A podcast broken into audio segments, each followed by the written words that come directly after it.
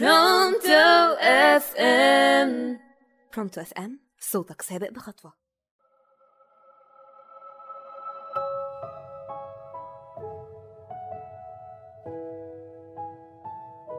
مساء الخير عليكم مستمعينا مستمعي راديو Pronto FM معاكم أميمة إبراهيم في مطب مشاعر. حلقتنا النهاردة عن الألاعيب النفسية. في حياتنا اليومية من خلال تعاملاتنا مع الناس ممكن يصدر منهم ألاعيب نفسية. هي ممكن تكون مش مقصودة وممكن تكون مقصودة. زي إيه؟ أول حيلة هي قلب الترابيزة وتقريبا كلنا عارفين الحيلة دي. يعني يكون الشخص غلطان مش عايز يتحمل المسؤولية ومش عايز حد يوجه له أي نقد فعايز يخلص نفسه من الغلط اللي هو عمله. فبيدافع عن نفسه بإنه يلبسك الموضوع. زي مثلا شخص جرحك فأنت زعلت فيقولك أنت حساس زيادة عن اللزوم أو أنت بتاخد الأمور بصفة شخصية.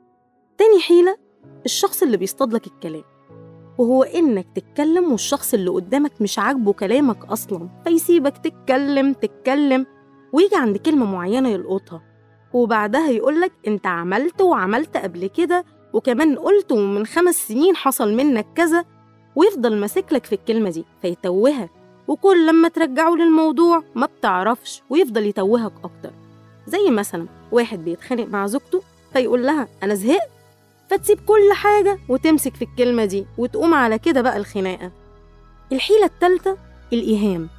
إن الشخص اللي قدامك يوهمك إن الحاجة اللي بتتكلم عنها أنت لا شفتها ولا سمعتها وإنه بيتهيألك فممكن تكون أنت سمعت كلمة بودانك أو شفت موقف بعينيك ولما تيجي تتكلم يتقالك أنت سمعت غلط على فكرة. هو أنت دايما كده بيتهيألك حاجات. لا لا لا لا أنت بتحور. بجد حرام عليك نفسك. كتر الإيهام بيخليك تتوهم وتشك في نفسك. الحيلة الرابعة التمويه في الكلام. إنك تدخل في مناقشة مع حد فتلاقي اللي قدامك بيتعمد يتوهك فيجيلك صداع وتضطر تنسحب من الكلام. الحيلة الخامسة الابتزاز العاطفي. لو لو لو لو خرجتي من البيت اعملي حسابك ما ترجعيش تاني.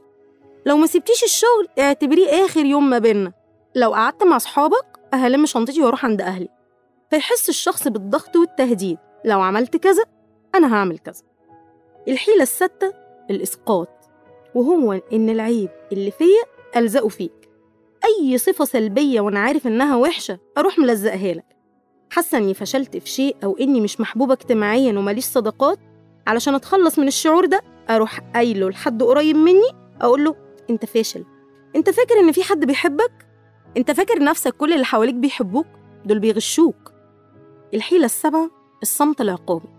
على أتفه الأسباب شخص ينعزل ورد الفعل مش مستاهل كل ده فينعزل وياخد جنب يوم واتنين وأكتر.